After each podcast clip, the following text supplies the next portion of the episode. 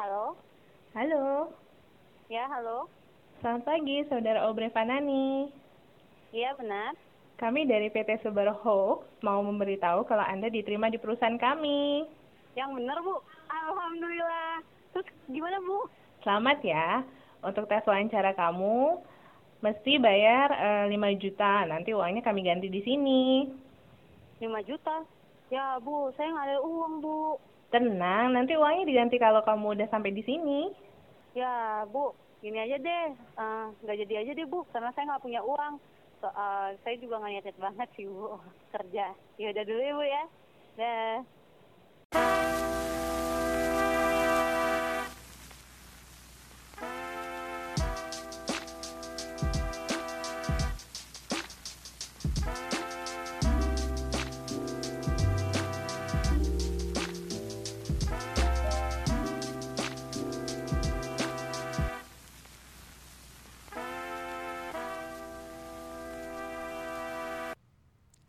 Halo, ketemu lagi di Cek Fakta Antara bersama Gita Tarigan. Dan Aure Fanani.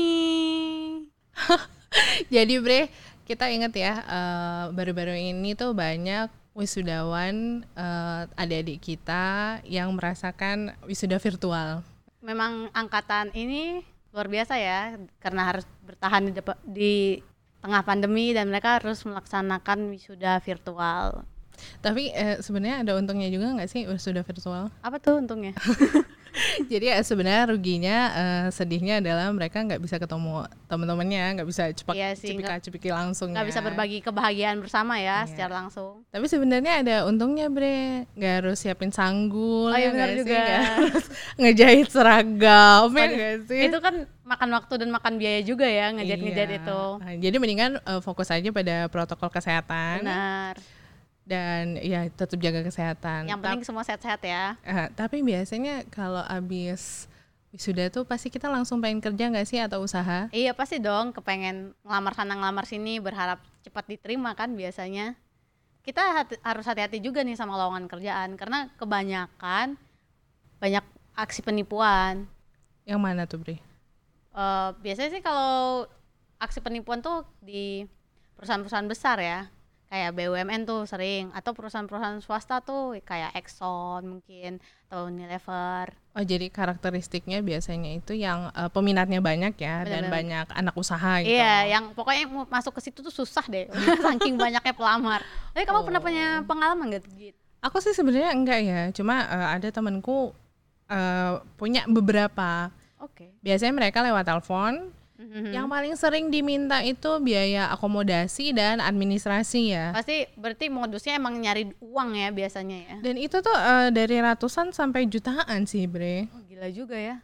Kalau kamu ada pengalaman nggak? Aku alhamdulillah nggak pernah sih. Nah tapi ada nih sat- salah satu sobat antara yang berbagi ceritanya hampir tertipu sama oknum-oknum yang bikin lamaran palsu ini. Ah, gimana tuh ceritanya, Bre? Nah jadi ini sekitar tujuh tahun yang lalu waktu dia baru tamat kuliah kan semangat semangatnya yang ngelamar kerja pokoknya ada lowongan apa aja tuh dikirim kan Kita pernah merasakan Iya, ya bener soalnya. merasakan. nah tiba-tiba tuh dia dapat panggilan untuk interview di Kalimantan jauh sih emang Hmm, Nah, Jadi dia posisinya di di Bandung waktu itu Oh iya di Pulau Jawa ya. Iya, jadi dia di Kalimantan, ya, apa interviewnya harus ke Kalimantan gitu ya. Oke. Terus dia disuruh dapat undangan resmi lah di teleponnya. Mhm. resmi lah pokoknya eh, dikasih ini itu ini itu suruh kasih udah ada suratnya juga dapat suratnya juga ada kopnya ada alamatnya lengkap lah kayak asli gitu terus dia disuruh mengirim uang katanya sih itu uang untuk tiket perjalanan jadi untuk tiket perjalanan pesawatnya dan juga akomodasi menginap dengan embel-embel nanti di reimburse sampai sana Eh berapa nominalnya tuh? Uh, dia nggak nyebutin ya sekitarnya berapa tapi pokoknya disuruh lah dan dia dikasih nomor travel agent nah Oh, uh-uh. udah diarahin jadi ya. iya diarahin nah ini kami kerja sama sama travel agent ini Hmm. hubungin aja nanti dia ngasih tahu uh, proses selanjutnya gitu Jadi bisa dibilang sebenarnya mereka satu sekutu ya. iya benar mereka tuh komplotan emang nah untungnya dia ini mungkin cukup curiga kali ya Terliterasi ternyata ya. Nah dia minta tolong sama temennya buat ngecek nih bener nggak sih. Nah temannya tuh ngecek dan ternyata itu bohong palsu Wow, ini berarti pelajarannya kita harus menggunakan jaringan pertemanan dengan baik. Iya benar-benar benar itu salah satunya. Jadi dia selamat. Tapi memang ada beberapa modus gitu, bukan modus juga sih ya. Bentuk penipuannya gitu. Caranya sama dengan bilang harus kirim ini yang kirim itu, tapi banyak. Misalnya nih kalau kita kirim yang kasar banget nih yang biasa terjadi adalah kita kirim kita nggak dapet apa-apa, ditipu ditipu mentah-mentah gitu ya. Hmm, jadi uang habis ya, terus nggak dapat apa-apa, nggak ada Mm-mm. jejak. Oke. Tapi ada juga yang jenis kedua gitu. Jadi kita kirim, dia ngasih itu tiket elektronik ke kita. Tapi begitu kita sampai bendara mau kita cetak, ternyata nggak bisa. Oh, jadi uangnya di refund ya? Iya, dia bisa nge-refund balik si tiketnya itu atau jadi di refund sepihak sama si penipu atau itu palsu, eh, tiket palsu. Jadi dia ngasih tapi itu Oh. sebenarnya palsu. Iya, iya, iya. Oke, oke. Nah, ada modus yang ketiga. Ini lebih drama dan sakit hati sih kalau aku ya. Jadi tiketnya ada, Ah, ah, bisa dicetak Oke. dan kamu bisa terbang. Tapi sampai sana nggak ada akomodasi, nggak ada yang jemput, nggak ada yang apa dan tes itu nggak ada. Itu maksudnya apa? Kita Nah, disuruh jalan-jalan, tapi eh, lihat-lihat bandara aja, terus dijemput mama papa gitu atau Iya, gimana itu sih ter- itu? terlantar mungkin kayak ya udah kita ka- eh, kasih kamu jalan-jalan gratis kali ya atau gimana aku nggak tahu. Itu kayak lebih kurang ajar sih sebenarnya ya. Tapi ini ya, dia dia eh, membuat kita merasakan beberapa bagian eh, uang kita habis itu dia Ya pergi. setidaknya nggak mentah-mentah banget ya. Tapi kita terlunta-lunta juga sih di Iya kota sih orang. ya. Ada Iya, aja deh.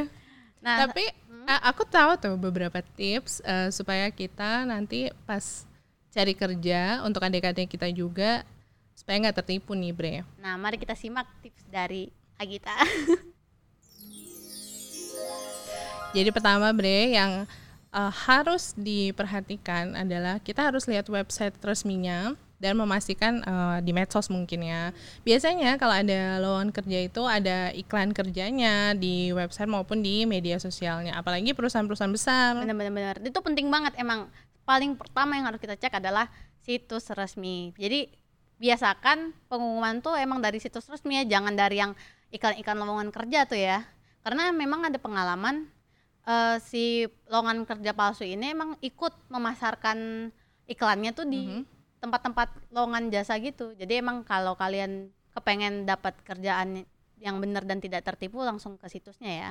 Nah, biasanya ciri-ciri uh, situs resmi itu dia ada uh, alamat perusahaan yang jelas, terus ada emailnya yang jelas, terus ada uh, nomor telepon yang bisa dihubungi dan dipertanggungjawabkan gitu. Jadi kalian benar-benar bisa klarifikasi, konfirmasi adanya lowongan kerja dan uh, posisi yang ditawarkan itu. Benar-benar. gitu. Nah, tips selanjutnya, kal- kalian harus pastikan penyebutan posisi pekerjaan yang ditawarkan dan waspadai pencantuman nama-nama pelamar. Hoax iklan pekerjaan sering kali muncul tanpa menyebutkan posisi pekerjaan yang lowong secara spesifik. Jadi emang dia tulis tapi ki- kita nggak ditulis jabatan kita ngelamar di situ sebagai apa gitu. Jadi kayak udah kosong aja nama kita aja gitu. Nah itu memang patut dicurigai ya. Tapi itu emang agak aneh ya. kalau Aneh ada ya. kalau ada lowongan kerja kayak gitu ya. Iya, karena biasanya kita pasti mencantumkan mau di posisi apa kan? Ada juga eh, tips yang ketiga nih Bre. Nah biasanya ada yang aneh juga nih Bre.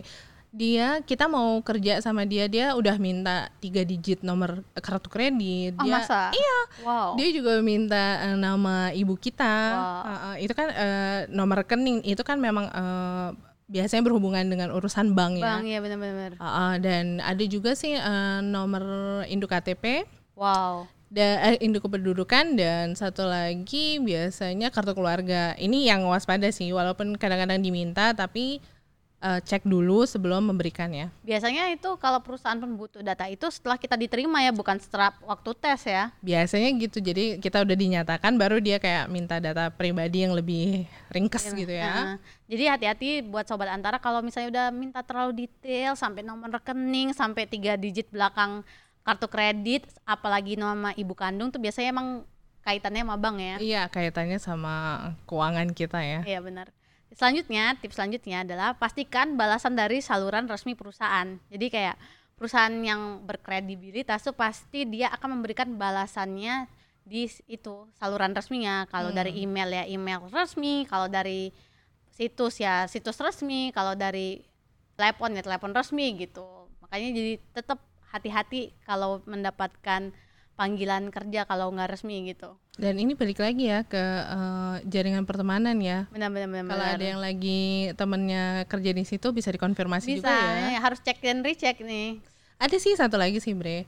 Eh, kita ingatkan biasanya perusahaan-perusahaan besar maupun perusahaan eh, biasa juga sih ya. Biasanya mereka itu melakukan tes tanpa meminta biaya sepeser pun. Benar itu banget. karakteristik eh, lowongan kerja asli ya. iya iya iya Kayak gitu. Jadi kalau diminta eh, sedikit pun sebenarnya itu nggak usah dilanjutin. walaupun modusnya adalah untuk akomodasi dan perjalanan ya jangan percaya ya Iya, maksudnya sekarang diminta eh, apalagi nanti eh, pas kita udah kerja jangan-jangan Gajinya legal aja, eh, jangan-jangan legal aja ngambil duit kita ya. Iya, iya, benar benar benar benar benar. Tapi bentar Bre, kalau kamu tuh ada pengalaman gak sih Bre nggak debang klarifikasi soal hoax lawan kerja ini hoaxnya? Banyak sih ya. Dan biasanya tuh kayak PLN, Pertamina paling langganan tuh PLN, Pertamina deh. Tapi memang berarti karakteristiknya gitu ya perusahaan-perusahaan yang Iya. gede, peminatnya banyak. Dan dia nggak ngirim email dengan nama-nama ya nama-nama orang kita nggak tahu sih nama siapa tuh dikirim nama tapi banyak juga yang udah bijak sih anak-anak sekarang langsung ke ke medsosnya Mm-mm. misalnya atau PLN atau Pertamina langsung ini bener nggak ini bener nggak nah jadi eh, Pertamina atau PLN atau perusahaan yang lain yang terkena hoax pun bisa langsung klarifikasi itu bener atau enggak Mungkin humas-humasnya eh, BUMN dan perusahaan-perusahaan gede harus kerja juga lebih ekstra ya kalau benar. ini lo hoax ya, lo jangan ke sini ke situs ini dan sekian macam gitu ya. Oke. Oke, sekian dulu ya ketemuannya ngobrolnya sama kita-kita. Nanti kita cerita lagi korban hoax eh, yang menyedihkan lainnya. eh, tapi jangan lupa eh, mention eh, juga Instagram podcast underscore antara atau di Twitter at Antara News atau di Facebook antaranews.com. Kalau kalian punya cerita-cerita pernah kena hoax atau eh, kesel banget sih sama orang yang punya pikiran bikin hoax. Iya sih, kita juga kesel ya. kesel banget Jangan lupa cerita di situ ya. oke kita tunggu ceritanya dah Dah.